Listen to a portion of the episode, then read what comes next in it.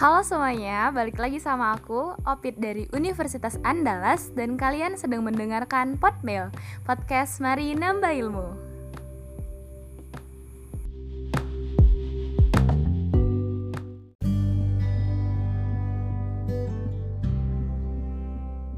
Di podcast kali ini aku bakal ngajakin teman-teman buat kenalan sama COVID-19 Eh, tapi kenalannya bukan buat bikin sayang ya, sebatas bikin paham Nah, COVID-19 atau Coronavirus Disease 2019 atau yang sering teman-teman sebut dengan corona adalah penyakit menular yang menyerang saluran pernapasan yang disebabkan oleh virus SARS-CoV-2 virus SARS-CoV-2 sendiri atau sindrom pernapasan akut berat coronavirus 2 adalah jenis dari virus SARS-CoV yang memiliki asal zoonosis.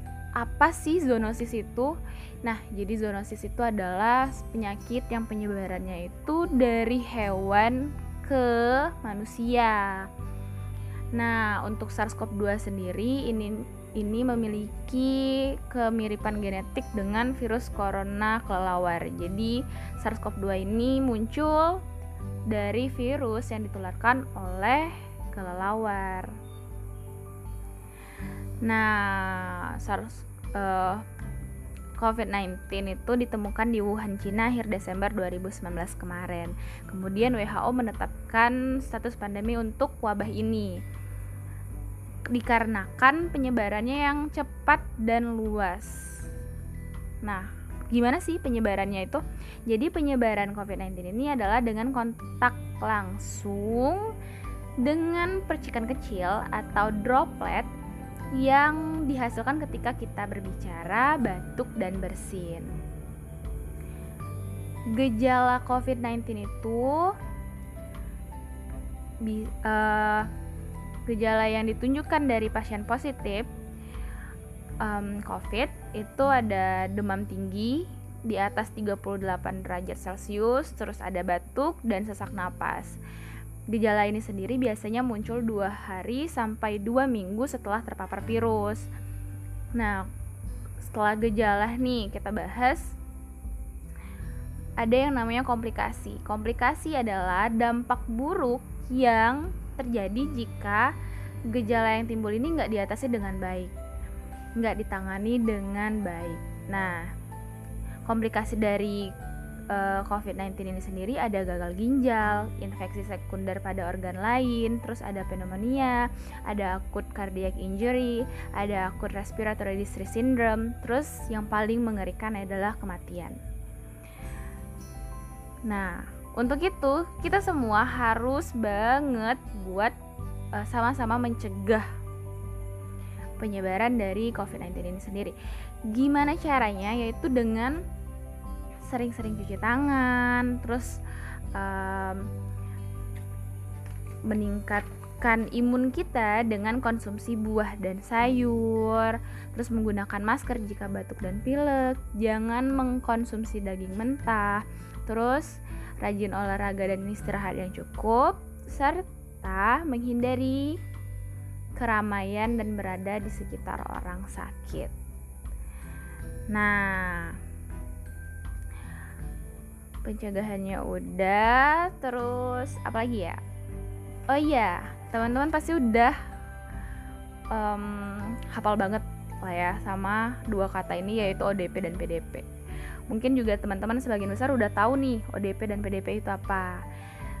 Nah, buat yang belum tahu, aku bakal jelasin. Jadi, sesuai dengan pedoman Kemen pedoman Kemenkes, ODP atau orang dalam pantauan itu adalah seseorang yang bila memiliki gejala seperti mengalami demam di atas 38 derajat Celcius, ada riwayat demam, ada gejala gangguan sistem pernapasan seperti pilek, batuk, dan sakit tenggorokan dan nggak ada penyebab lain.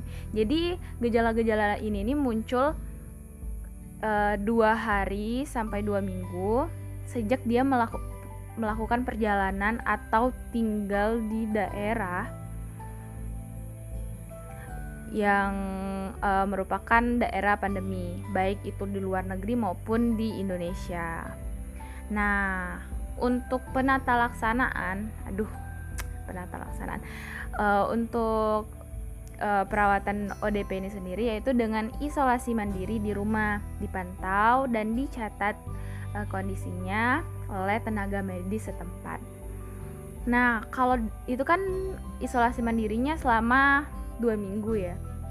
Kalau dalam dua minggu itu uh, ODP ini mengalami keparahan kondisi dan uh, kemunduran fisik, maksudnya uh, drop gitu tubuhnya segera dilarikan ke rumah sakit dan statusnya berubah jadi PDP. PDP atau pasien dalam pemantauan itu adalah seseorang yang jika seseorang yang memiliki infeksi saluran pernapasan akut dengan gejala yang dem uh, yang hampir sama dengan ODP yaitu demam di atas 38 derajat Celcius, ada riwayat demam, terus ada batuk, sesak napas, bahkan pneumonia ringan. Nah untuk perawatannya sendiri itu dengan uh, ya perawatan di rumah sakit, terus um, isolasinya di rumah sakit juga. Oke, aku rasa sekian dulu yang bisa aku sampaikan tentang COVID-19 ini. Um, um, stay safe everyone. Tungguin ya di podcast selanjutnya aku bakal bahas tentang apa ya? Deteksi dini COVID-19. Nah, sekian. Sampai jumpa di podcast selanjutnya. Stay safe everyone. Hidup mahasiswa.